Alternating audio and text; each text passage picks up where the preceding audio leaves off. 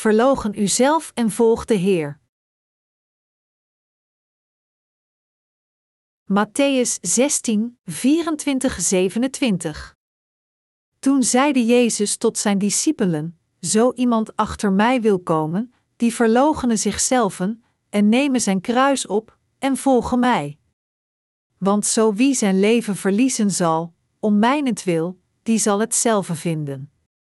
Want wat baat het een mens, zo hij de gehele wereld gewint, en leidt schade zijner ziel? O wat zal een mens geven, tot lossing van zijn ziel?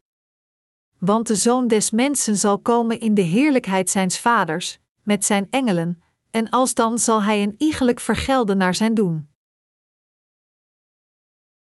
Voordat ik begin, wil ik als eerste mijn dank geven aan de Heer voor het redden van vele broeders en zusters tijdens dit leerlingtrainingkamp, LTK. Omdat het al laat wordt, zal ik proberen mijn preek zo snel mogelijk te beëindigen. Door dit LTK heeft onze God al de zielen van deze evangelisch klas gered. Ik weet zeker dat er nog meer mensen hun getuigenis van zaligmaking gegeven zouden hebben als we meer tijd hadden gehad. Maar omdat we onder tijdsdruk stonden, was niet iedereen in staat vandaag te getuigen. Aan diegenen die niet in staat waren hun getuigenis hier te geven, wil ik vragen terug te keren naar uw desbetreffende kerken om daar uw getuigenis van zaligmaking te geven. Als u vragen heeft, dan aarzel niet om ze te vragen, en ik moedig u ook aan om uw leven van geloof ijverig te voeren. Het zijn de zwakke en ontoereikende kinderen van God die onze Heer wil vasthouden en zegeningen. Van natuur is de laatste dag van elk LTK wanneer ik het minst populair ben. Dat is omdat vandaag de dag is dat onze kinderen in het kamp speciale lofliederen zingen. Zij zijn ongetwijfeld het meest populair. Als de lieve kinderen zingen en dansen, raken de volwassenen zo verheugd in hun harten dat ze niet weten wat ze moeten doen. De tweede meest populaire groep naast de kinderen op dit kamp zijn onze volwassen broeders, en dat komt waarschijnlijk omdat zij niet zo goed kunnen zingen, en dus moedigen de andere heiligen hen nog meer aan. Zij hebben hun liederen sinds lunchtijd voorbereid. Zelfs in mijn kamer kon ik het geluid horen van iemand die gitaar speelde en iedereen die samen liederen zongen. Na het prijzen en het horen van zichzelf zingend, waren de volwassen broeders geïnspireerd, elkaar gelukwensend. Wauw! We zingen goed! Het feit dat onze volwassen broeders zelfs op dit niveau kunnen zingen, is iets waar we allemaal trots op mogen zijn. Elkaar bemoedigend om genoeg moed in zichzelf te vinden, kwamen ze hier en gaven eer en dank aan God. Naast hen is de evangelische klas de derde meest populaire groep. In de avonduurtjes van vandaag deelden we tijd met de zielen van de evangelische klas, die hun getuigenis van zaligmaking geven en God verheerlijkten. Toen zij getuigden hoe de Heer hen gered heeft, was het hartverwarmend voor beiden, zij die getuigend en zij die luisterden en we voelden ons naar God toe zo dankbaar. Het is mijn hartewens dat de Heer hen allemaal beschermt. Ongeacht hoe de aanwezigen van onze evangelische klas hier kwamen, of zij met geweld, misleiding of vanuit hun eigen wil kwamen, ik geloof dat het feit dat zij allemaal naar deze plaats kwamen en het woord van God hoorden het grootste geschenk in hun hele leven is.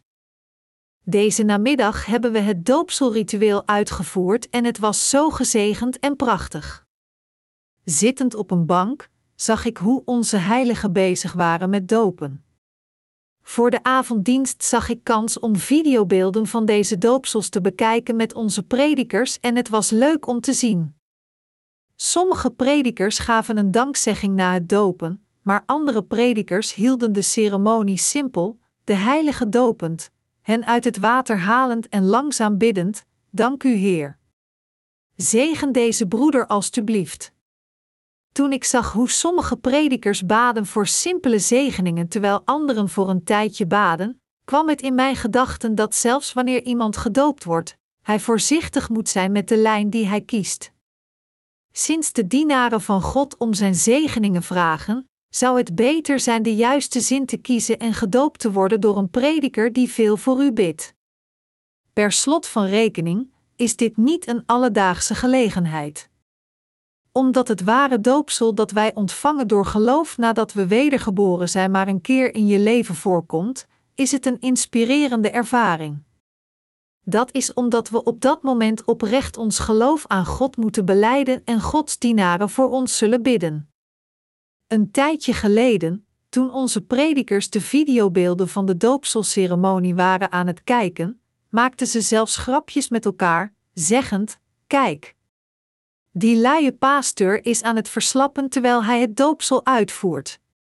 Ik zeg hier niet dat het juist is om lang te bidden of verkeerd om kort te bidden.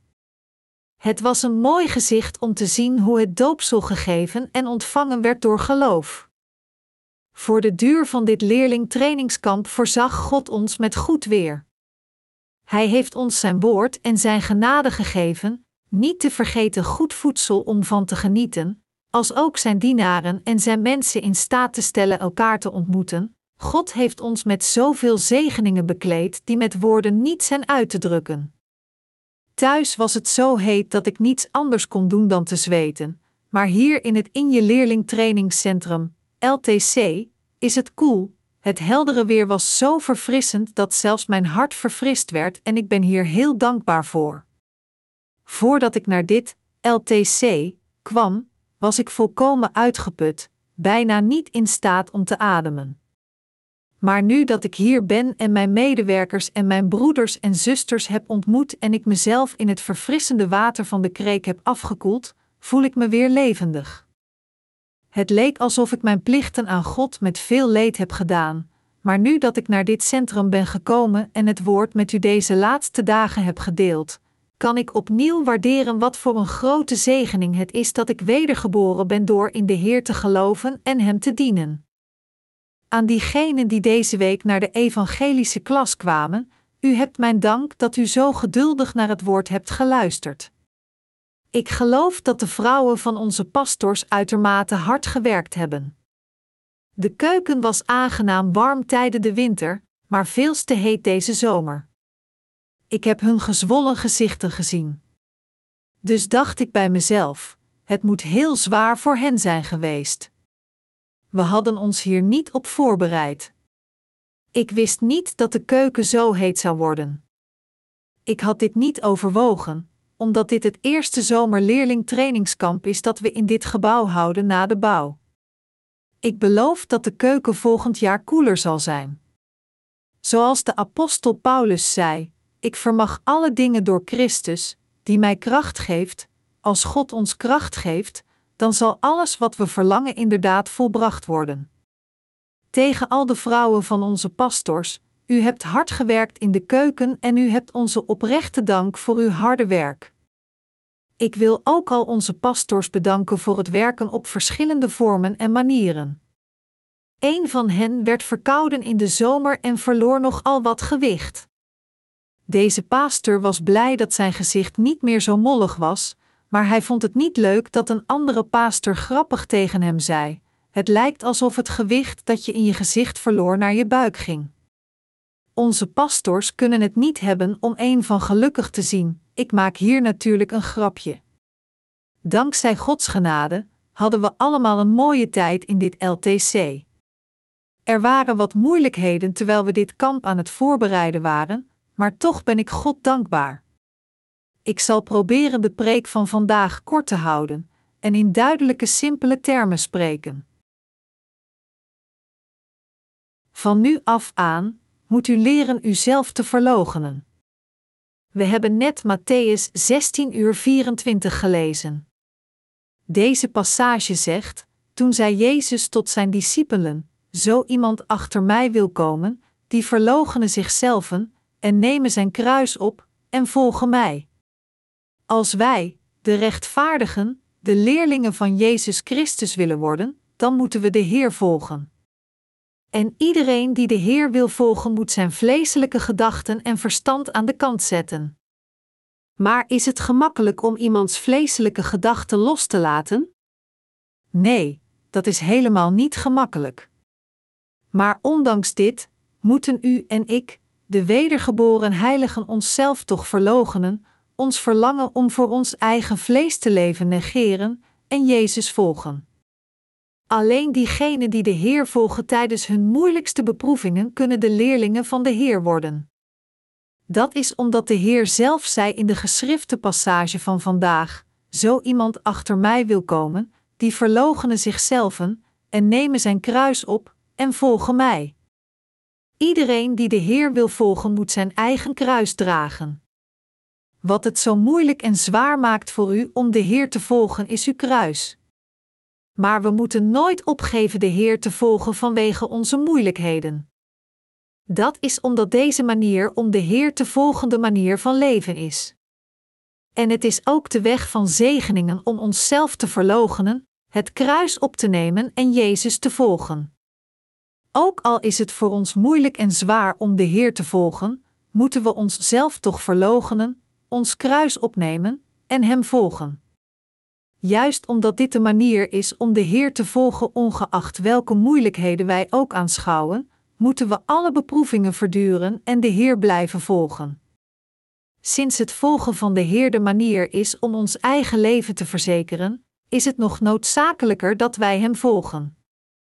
In de versen 25-27 van de geschrifte passage van vandaag, zei de Heer: Want zo wie zijn leven zal willen behouden, die zal het zelf verliezen, maar zo wie zijn leven verliezen zal, om mijnentwil, die zal het zelf vinden.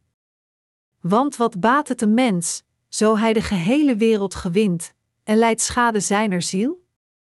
Of wat zal een mens geven, tot lossing van zijn ziel? Want de Zoon des Mensen zal komen in de heerlijkheid zijns Vaders, met zijn engelen, en alsdan zal hij een iegelijk vergelden naar zijn doen. Hier worden de woorden zijn leven of het equivalent vier keer genoemd. De Heer te volgen betekent dat iemand zichzelf moet verloochenen en zijn kruis moet opnemen, en dit betekent op zijn beurt dat het volgen van de Heer hetzelfde is als iemands eigen leven op te geven. Gezien het feit dat het volgen van de Heer hetzelfde is als iemands leven op te geven, als we het moeilijk vinden onszelf te verloochenen en ons terugtrekken van het volgen van de Heer, dan zullen we als doden eindigen. Van de andere kant, als we de Heer zouden volgen nadat we zijn wedergeboren en de vergeving van zonde hebben ontvangen, dan zullen we Gods zegeningen ontvangen, dat wil zeggen de vergeving van onze zonden, is het ontvangen van nieuw leven. Toen Jezus Christus namens ons aan het kruis stierf, die gedoemd waren voor de hel, zijn ook wij met hem eenmaal gestorven en toen hij van de dood verrees, zijn wij ook met hem verrezen. Door hierin te geloven, hebben wij een nieuw leven van God ontvangen. Voordat wij waren wedergeboren, was het leven dat wij hadden dat van een zondaar, maar nu nadat we zijn wedergeboren, hebben we een nieuw leven als rechtvaardige mensen verkregen. Gezien het feit hoe wij de vergeving van onze zonden hebben ontvangen en een nieuw leven als de rechtvaardige verkregen, is het een zeer belangrijke vraag of we de Heer wel of niet moeten volgen als zijn verloste mensen na de ontvangst van dit nieuwe leven als de rechtvaardigen. Het is als de wedergeboren rechtvaardige mensen de Heer volgen dat zij dit leven in stand kunnen houden, meer gezegend worden om voorspoed te hebben en te groeien, en veel kinderen baren om nog meer zegeningen te ontvangen. Diegenen die de Heer volgen zullen voor eeuwig van alle zegeningen en pracht kunnen genieten die God ons gegeven heeft en ze zullen nooit het eeuwige leven dat zij hebben verkregen verliezen. Integendeel, diegenen die zichzelf niet verloochenen en stoppen met het volgen van de Heer vanwege hun eigen moeilijkheden zullen hun levens verliezen. Dit is de boodschap die de geschriften passage van vandaag ons leert. U kunt de Heer niet volgen tenzij u uw eigen gedachten verlogent. U en ik hebben de vergeving van onze zonden ontvangen door het evangelie te horen. Het is van onschatbare waarde dat wij het evangelie gehoord hebben en de vergeving van zonden ontvingen. Een van onze broeders getuigde dat het hem 37 lange jaren had gekost voordat hij uiteindelijk het evangelie van het water en de geest hoorde. Voor sommigen van u, heeft het misschien 20 jaar geduurd, en voor anderen zelfs 40 of 50 jaar. Dus, Het feit dat u de vergeving van zonde hebt ontvangen is een enorme zegening. Er zijn talloze mensen in deze wereld die sterven zonder dit evangelie van leven ooit gehoord te hebben. Maar u hebt dit woord gehoord en iets oprecht waardevol verkregen. Per slot van rekening, wat kan er belangrijker zijn voor iemand die verdoemd was om naar de hel te gaan een nieuw leven te ontvangen? Dit is een prachtig geschenk van leven. Iedereen die de vergeving van zonden ontvangt, krijgt een nieuw leven van God. We hebben dus allemaal een nieuw leven door de vergeving van zonden, door genade. Echter, als we ons kruis aan de kant gooien en de Heer niet volgen, dan zijn we niet in staat dit nieuwe leven te behouden. Er is niets dwazer dan een nieuw leven te ontvangen om het vervolgens niet te behouden en te laten groeien. Wij de rechtvaardigen kunnen het meest gezegende leven leiden als we dit kostbare nieuwe leven koesteren. Als we dit nieuwe leven eenmaal verkregen hebben, moeten we het laten groeien en aan anderen verspreiden, zodat zij ook Gods kinderen kunnen worden. Echter, ondanks dat wij allemaal proberen de Heer zo te volgen, is er een ding dat ons ervan weerhoudt onszelf te verloochenen en ons probeert te laten opgeven om de Heer te volgen bij de kleinste moeilijkheden, en dat is niemand anders dan ons vlees. Dit vlees en deze vleeselijke gedachten die u en ik hebben, belemmeren ons van onze geestelijke gedachten die er naar verlangen om de Heer altijd te volgen. Onze vleeselijke gedachten die alle bezorgd zijn om het welzijn van het vlees hebben geen verlangen om de Heer te volgen. Net zoals de apostel Paulus zei: vleeselijk zijn is de dood, ons vlees kan de wil van de Heer nooit vervullen. Dat is waarom de Heer tegen zijn leerlingen zie: als iemand van u mij wil volgen, dan ontvang als eerste de vergeving van zonden. En verblijf met mij in de kerk, word onderwezen met mijn woord, eet het woord met het hart en word gevuld, ontvang het standvastige geloof in het hart en vind hulp door gebed. Anders gezegd, als wij de wedergeborene de Heer willen volgen gezegend in beide lichaam en geest, dan moeten we onszelf verloochenen. We moeten onszelf verloochenen. Of we dit leuk vinden of niet, we moeten ons vlees toch verloochenen. Zelfverloochening is uitermate moeilijk. Als u verteld werd gewoon te zitten en niets te doen behalve dan uzelf te verloochenen, u zou waarschijnlijk sterven van frustratie. Maar als we de Heer willen volgen, dan moeten we als eerste onszelf verloochenen, en als we onszelf willen verloochenen, dan moeten we het woord van God accepteren en het enthousiast aannemen. Ook als de Heer zegt dat dit evangelie inderdaad juist is en dat het gepast voor de kerk is om zich aan de verspreiding van dit evangelie toe te leggen, dan moeten we proactief denken en zoeken naar het juiste leven van geloof, onszelf afvragend: wat kan ik doen om de wilde Heer te vervullen? Ons vlees moet sowieso iets doen als het tijd over heeft, en dus moeten we dit vlees voor de Heer gebruiken. Per slot van rekening, God ons onze handen om te werken, onze benen om te wandelen, onze ogen om te zien, onze lippen om te spreken en onze neuzen om te ademen. Als u en ik de Heer willen volgen, moeten we weten hoe we onszelf moeten verloochenen. Ook al lijken onze gedachten en onze normen juist te zijn, we moeten onze gedachten en onze eigen normen loslaten en in plaats daarvan het woord van de Heer volgen. En ongeacht welke moeilijkheden wij ook aanschouwen, we moeten vasthouden aan datgene wat Jezus tegen ons zei, dat we onszelf moeten verloochenen en Hem volgen. Net zoals de kudde de leiding van de herder volgt, moeten wij onze Heer in volledige gehoorzaamheid volgen.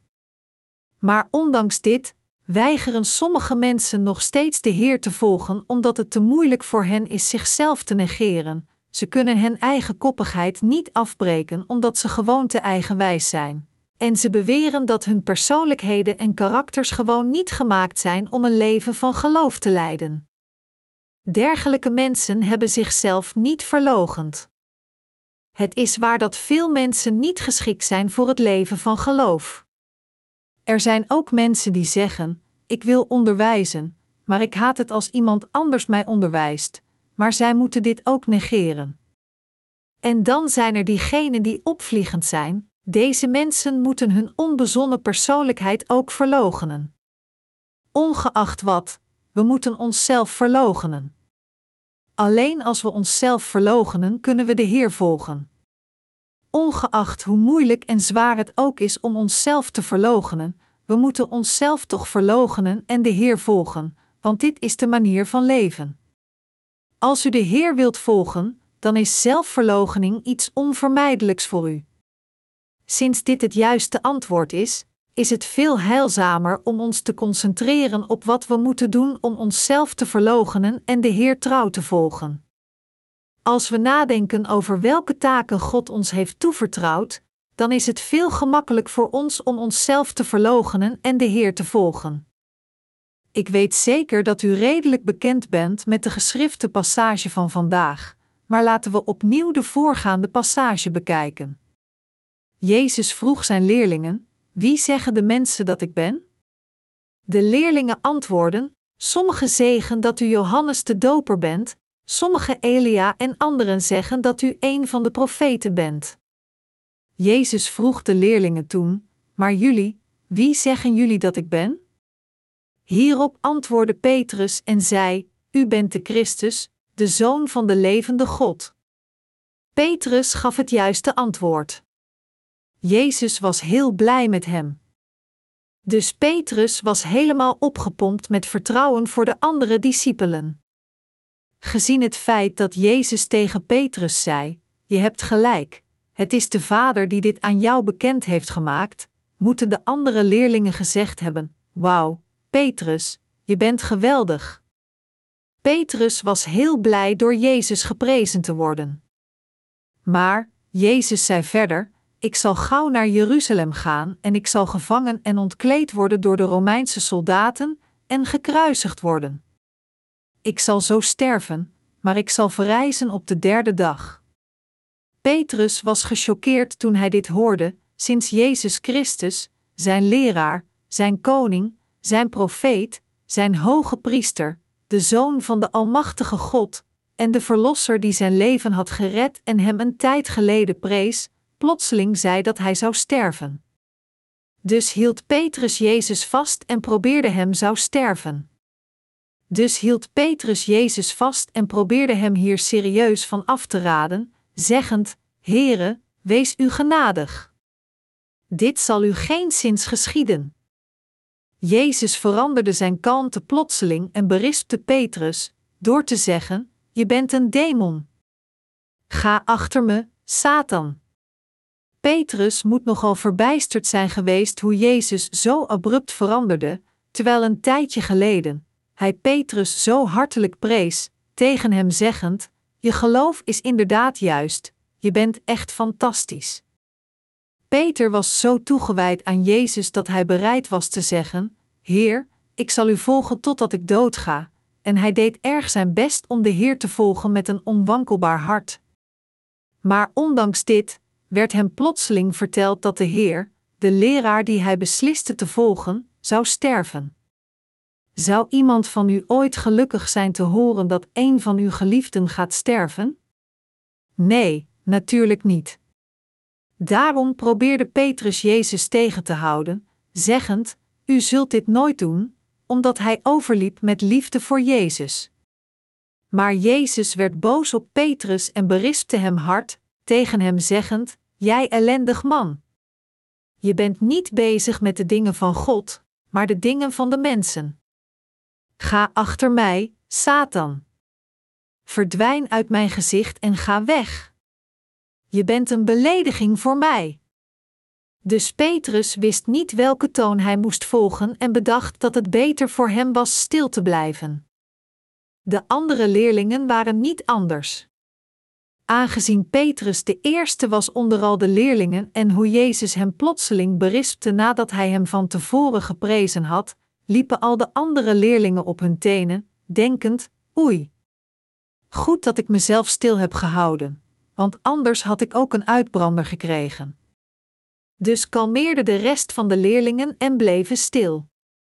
Had Petrus niet zijn gedachten verlogend, tegen zichzelf zeggend: Jezus is zo wispelturig.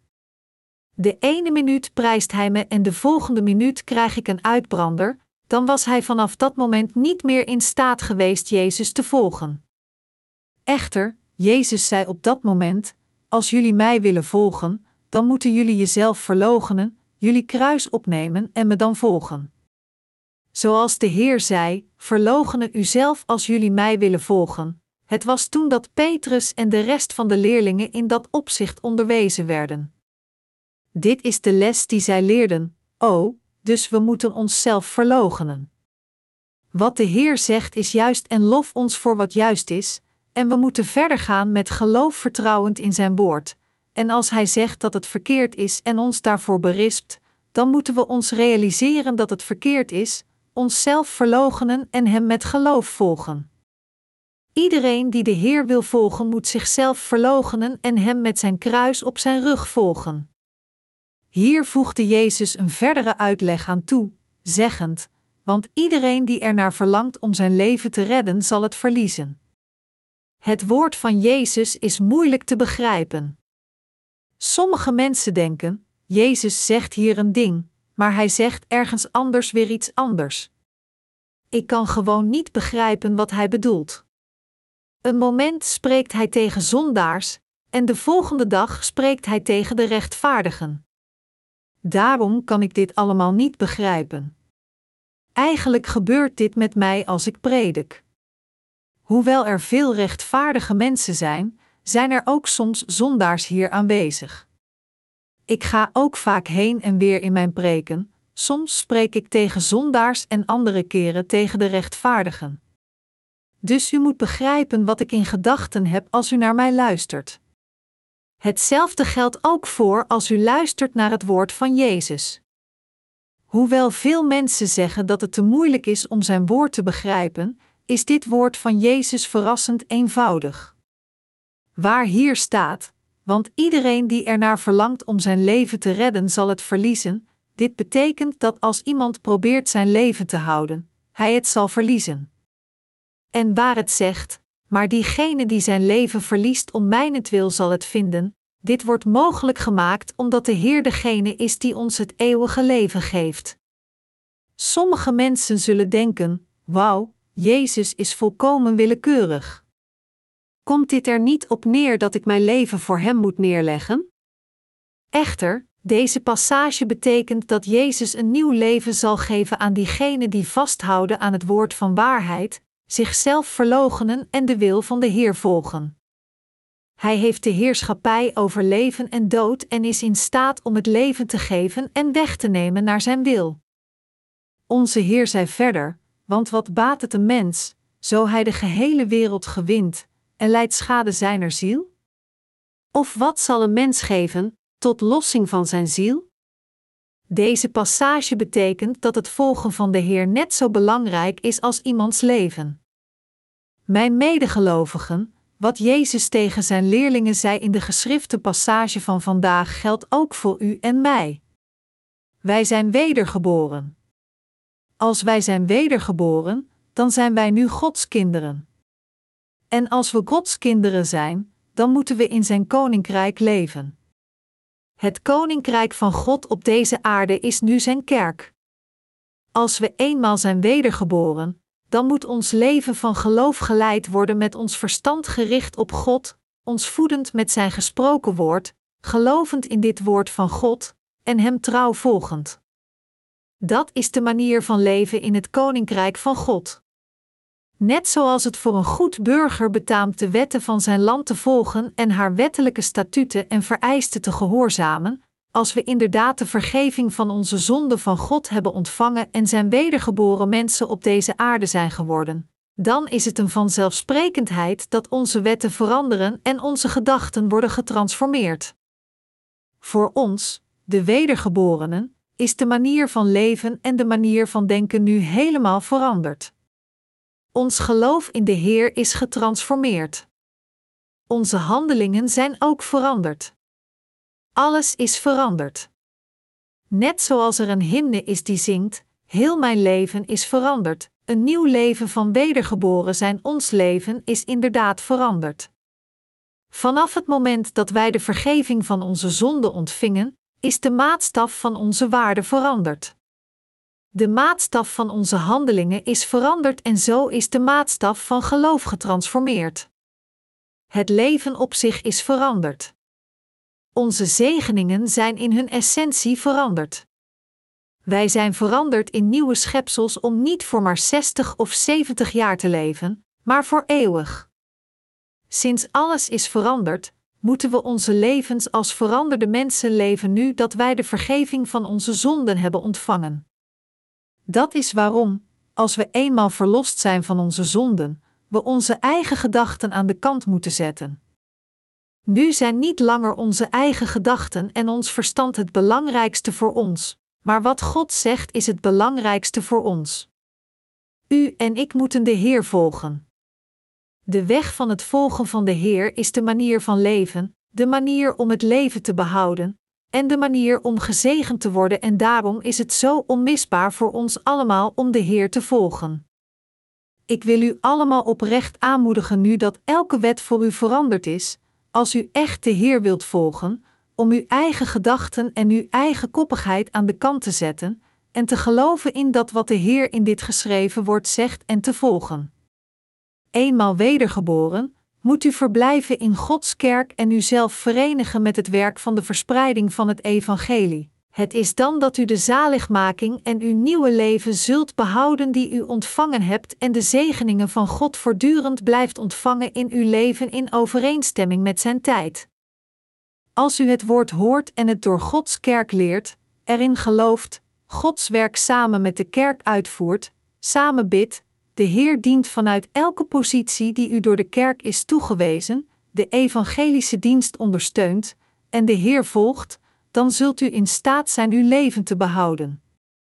En laat me u duidelijk maken dat wanneer u Gods werk uitvoert in uw leven, ondanks dat u soms veel worstelt dat u zich volledig uitgeput voelt, zult u in werkelijkheid energieker leven.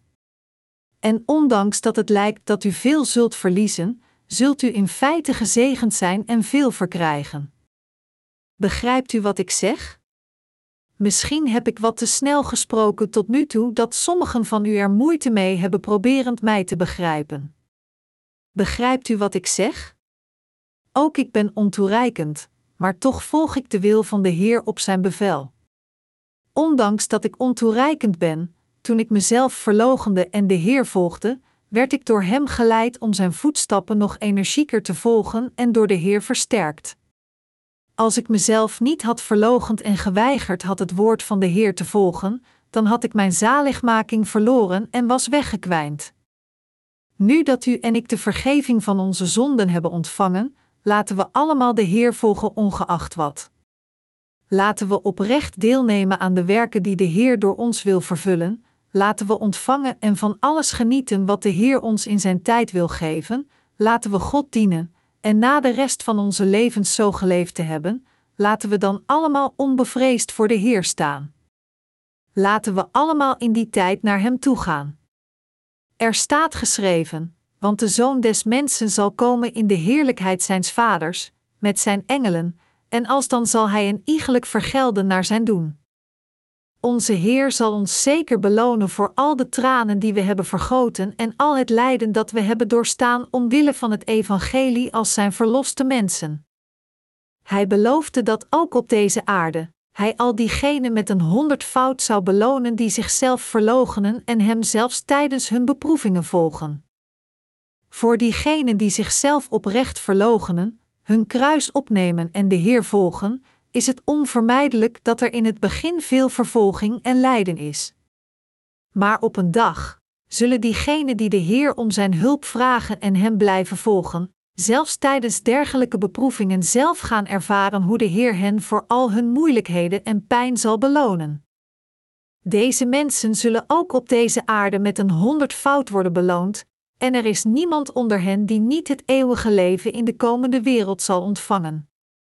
Dit is wat God ons zelf beloofd heeft.